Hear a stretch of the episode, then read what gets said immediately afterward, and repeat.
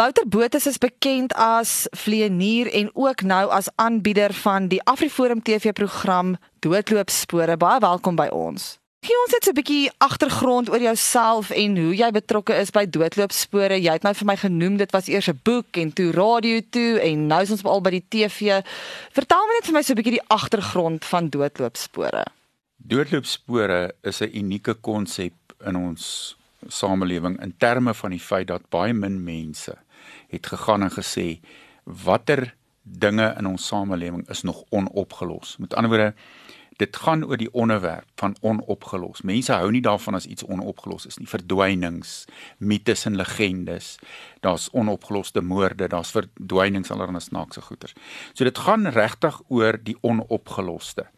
En om navorsing te doen oor onopgelos is 'n ongelooflike uitdaging. En hoekom ek dit sê is jy kan nie sommer net op Google gaan en kyk hoorie daai persoon is weg. Jy moet letterlik die hele ondersoek van voor af begin. Want die grootste vyand van so onder, so ondersoek is die feit dat daar baie samesweringsteorieë gewoonlik gekoppel word aan so 'n tipe van saak. So met ander woorde die inligting waarmee jy sit wat algemeen bekend is, is 'n probleem.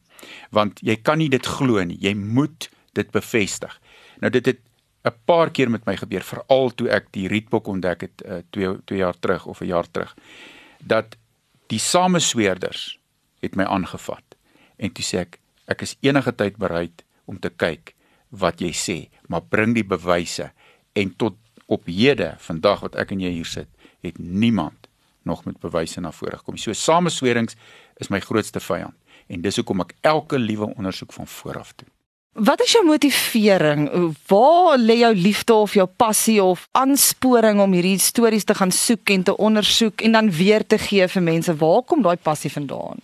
Ek dink dit is omdat ek nie kan aanvaar dat daar nie antwoorde is vir sekere goed nie. Met ander woorde, as iemand verdwyn het, jy kan nie soos mis voor die son verdwyn en in faktore ontbind en daar's jy nou weg nie. Nou, dit is hoekom dit belangrik is om te weet as 'n vliegtyg wrak of 'n persoon of iets weg is, is hulle iewers. Dis dieselfde met hierdie baie bekende saak MH370 van Malaysia Airlines. Die wrak is daar. Hulle het hom net nog nie gekry nie. En dit is hoekom ek sê die vliegtye wat ek ondersoek het in my eerste reeks was net oor vermiste vliegtye in Suidelike Afrika. Die wrakke is daar en ek het dit bewys toe ek hierdie bok gekry het. Hy's daar. Jy moet hom net kry. En enigste manier om kan kry is jy moet die ondersoek van vooraf doen en klinies, onemosioneel en dis baie moeilik partykeer na so ondersoek benader en dan kyk wat kom jy op af. So wat is jou agtergrond? Hoe waar begin 'n mens om goeters te ondersoek? Het mens opleiding nodig? Wat is jou agtergrond? In my tyd toe ons klein was, het ons hierdie fotoverhaalboekies gehad. Baie interessante boekies gewees. Ons moes hulle skelm lees onder die bed want as jou ma jou vang het jy moeilikheid want party van die dames het nie geld gehad nie, hulle het min klere aangetree. En die boekies, daar was byvoorbeeld een Takuza en Ruiter in swart en die goeters. En ek dink dit het 'n avontuur tipe ding by baie van ons begin. En op 'n stadium het ek gehoor van sê maar as jy nou so nuus luister en kyk in ons tyd was daar nie selfone en daai tipe van goed nie maar nou hoor jy van hulle het hierdie ou was op pad van Durban af en hy's weg Jy weet jy hulle kry hom nie. En toe dink ek maar hy moet iewers wees. En ek dink dit het van kleintyd af begin en toe het ek omtrent so 24 jaar terug begin vlieg as vlieënier. En ek beloof vir jou die kombinasie van lugvaart en dan die onbekende was vir my 'n ongelooflike wenresep. Want jy kon die lugvaart bedryf omdat iemand in 'n 3D wêreld is in lugvaart. Jy's nie in 'n 2D wêreld soos in jou voertuig nie is dit makliker om probleme op te tel. Want die mens is eintlik gebou vir 'n 3D, ag vir 'n 2D wêreld. So 3D is vir ons 'n nuwe ding. En as so 'n vliegtyg verdwyn, kan hy enige plek wees en dis waar die uitdaging is. En ek dink dit het begin toe ek vlieg en ek het groot geword in Pongola op 'n plaas en daar was verskriklik baie subtropiese woude en dan het ons daar rond geswaai en aangegaan. En ek dink dit het maar die ding begin ek het so 'n tipe van uh, iemand het nou die dag vir my gesê ek het 'n sindroom. Hulle noem dit die Indiana Jones sindroom. So ek het dit seker maar. So dink jy jy's Indiana Jones? Ek ek wil nie soos hy lyk nie want ek het nie so 'n hoed nie en ek dra nie 'n hoed eintlik nie. Maar dit is sekerlik maar dieselfde. Hy het daai tipe van 'n honger om uit te vind en goed te ontdek en jy weet as jy praat van byvoorbeeld die die ark uit die Bybel, dan is dit jy weet iets wat jy sit heeltyd en wonder maar hy moet tog iewers wees. Dit is wat ek dink die ding jy weet vir my dryf in my lewe. Maar mens moet ook 'n persoonlikheid hê van ondersoek jy moet regtig waar gedetermineerd wees en 'n passie daarvoor hê om geheime op te los. Baie mense hou daarvan om te sit en kyk na 'n program en sê ek hoop hy ou kry dit of dit is my interessant om te sien hoe hy soek, maar die soeker self is iemand heeltemal uniek. Nou kom ons praat 'n bietjie oor die TV-reeks wat nou op AfriForum TV te sien is. Daar's nou nog net 3 episode uit, maar daar's 'n hele paar wat nog te sien gaan wees. Hoe het jy hierdie paar stories wat nou op die TV-reeks te sien is, geïdentifiseer en besluit hierdie is wat jy gaan ondersoek vir die program spesifiek? Daar was 'n paar goed wat ek moes oorweeg. Ek het die vier kategorieë van onverklare geheime gevat. Vermiste persone en vliegtye. Ek het gevat mites en legendes. Ek het gevat vreemde verskynsels wat 'n lang pad in ons geskiedenis kom. Ons kan gerus daaroor iets sê. En dan die laaste ding is onopgeloste moorde. So met ander woorde Dit gaan oor soos byvoorbeeld episode 1 wat nou Babbel Schreder is. Dis 'n moord wat in 1949 plaasgevind het.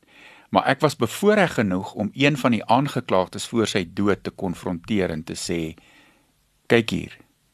Dis wat ek gekry het. Verduidelik vir my wat het in hierdie tyd tot daai tyd gebeur."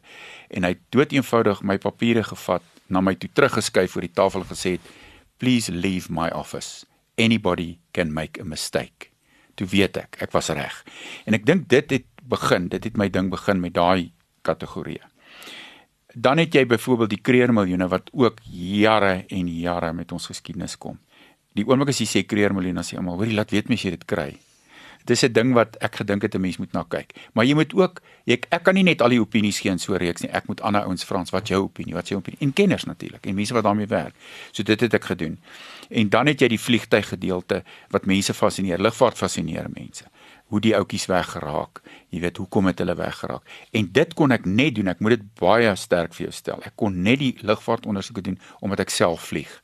Want jy moet weet hoe vlieg die vliegtyg? Die brandstof wat hy gebruik. Hoe werk die wind, die verstellings in die in die kajuit, al daai tipe van goeders. En dan uit die aard van die saak het jy eh, dit val nou die kreermiljoene val onder mites en legendes en dan uh, verdwynings en dan het jy die die vreemde verskynsels nou. Ons kan bietjie sê oor spooke. Ek haat die woord spooke. Ek sê jy moet sê dis 'n vreemde verskynsel. Nou kan ek vir jou dit sê, ons het wel iets baie vreemd vir film wat ons vir julle sal wys in die episode oor 2 weke. Dit was regtig vreemd. Ek moes selfs, ek is baie klinies. Ek glo nie aan hierdie goed nie. Ek sien dit nie. Maar op film was iets wat ons almal nie kon verklaar nie. En ons het dit gevat en vir iemand gegee wat ons dink weet wat dit is en vir ons en hulle het vir ons gesê wat dit is. En dit het my bietjie laat dink.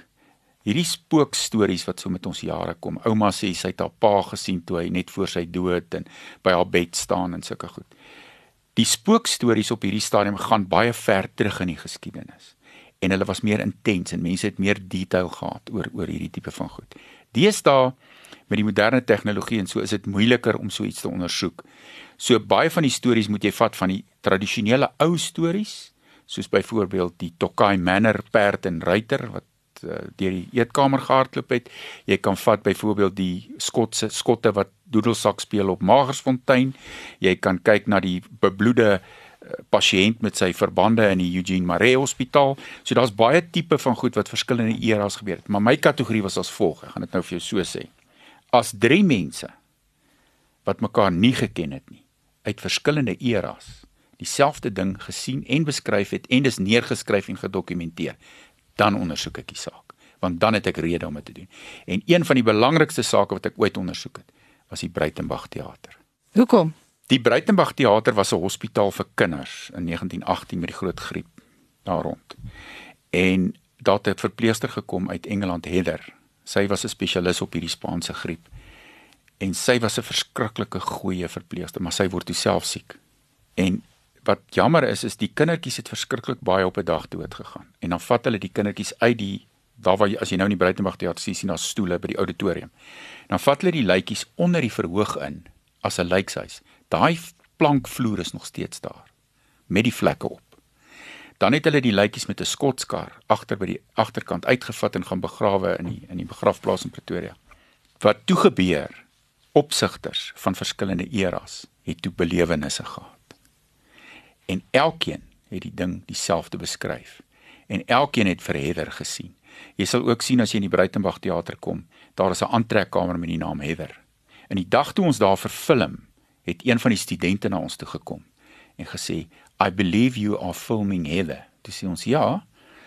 Toe dink ek, ons moet miskien 'n onderhoud doen met hierdie vrou. En sy sit toe daar en toe gebeur iets. En dit sal julle nou sien in die episode elke storie moet jy van die begin tot die einde weer ondersoek om seker te maak jy het al die feite. Dit is natuurlik deeglike navorsing wat jy moet doen. Hoeveel maande of hoe lank werk 'n mens aan hierdie tipe projekte of ondersoeke? Hoe lank vat dit jou? 12 jaar. Ja, en werk jy deurlopend gelyktydig aan die verskillende ondersoeke of hoe werk jy? Nee, ek moes die ondersoeke doen. Jy weet soos wat die geleenthede opgekom het en ek was nog vleienier nog steeds. So ek moet vlieg, ek moet lewe, jy weet, so ek het dit maar tussendeur gedoen, maar in die laaste paar 2, 3 jaar het ek voltyds aandag hier aangegee omdat ek die eerste TV-reeks met die vermiste vliegtye Flights to Nowhere gedoen het, moes ek toe nou voltyds te doen. Die groot ding is en as iemand soos 'n spesialis nou kyk na hierdie, dan sê hy sê ja, maar daai is nie heeltemal reg nie of dit of dat. Ek moes 'n goue middeweg vind in elke ondersoek wat die Hulle noem dit probable cause of probable solution. So met ander woorde die mees uh, bekende of die mees aanvaarbare oplossing of goue draad deur die storie. As jy byvoorbeeld vat die Uniondale spook. As jy regtig gaan krap, dan kom jy agter daar's 'n paar goed wat nie sin maak nie. En 'n paar goed wat gebeur wat mense miskyk. En dit is waar ek baie keer dinge uitgevind het. Is mense kyk sekere goed mis. Watter tipe uitdagings ervaar jy wanneer jy hierdie ondersoeke doen? Meeste van die tyd is dit maar befondsing, soos met enige projek, maar ek het ongelooflike borge wat ook besef dat die die platform van die onverklaarde is 'n baie goeie platform en dit trek baie aandag. So dit was dit het dit het nogal 'n verskil gemaak. Maar ek dink eh, die grootste uitdaging is om agter die waarheid te kom en die, en en ook die inligting in die hande te kry. Nou in my geval het ek baie keer op inligting afgekom wat baie interessant was wat ek nie kon glo bestaan en niemand weet daarvan nie. Nou as ek jou een voorbeeld byvoorbeeld kan gee. Ek het die ongeluk van die Rietbok wat in 1967 plaasgevind het naby Oos-London toeval die vliegtyg in die see. Nou dit was die enigste SAL vliegtyg wat ooit weg was. Nou vra mense maar wat van die Helderberg? Die Helderberg was nie weg nie. En die Helderberg is eintlik ook nie 'n vreeslike geheim nie. Hy het net geval. Hy het geval ja. en maar dit is nou heeltemal 'n ander gesprek. Mm. Die punt is, hulle het gespekuleer as gevolg van tegnologie in die laat 60er jare waar hierdie wrak moontlik kon wees en dit aanvaar in die amptelike verslag sit. En die eerste ding wat ek gedoen het, is ek het die koördinate gevat van die amptelike verslag en met hulle noem dit in Engels side scan sonar, sonar gevat en ek het gaan kyk is die wrak daar. Hy was nie. Toe moes ek teruggaan. En nou gaan ek jou baie interessante ding vertel. Ek het die hele vlug gerekonstrueer uit 'n lugvaartoogpunt. Wat het gebeur op watter punt? Hoe hoog was hy op watter tyd? Wat het die vlieënier gesê? Die spoed van die vliegtyg? Hoe het hy die water getref? Hoe het hy opgebreek? En toe ons die dag die wrakke kry, toe is dit presies hoe dit gebeur het. Maar daar het iets gebeur. In die Eastern Cape Herald en in die Daily Dispatch was daar 'n artikel geplaas die vry of die Saterdag oor my wat die wrak soek. Net sommer vir interessantheid vir die omgewing. Dit was 'n plaaslike storie. Dit was groot koerant uit die aard van die saak. Die maandagooggend stap 'n ou by die koerantkantoor in ek dink hulle noem dit nou Geberga, Geberga mm. Port Elizabeth.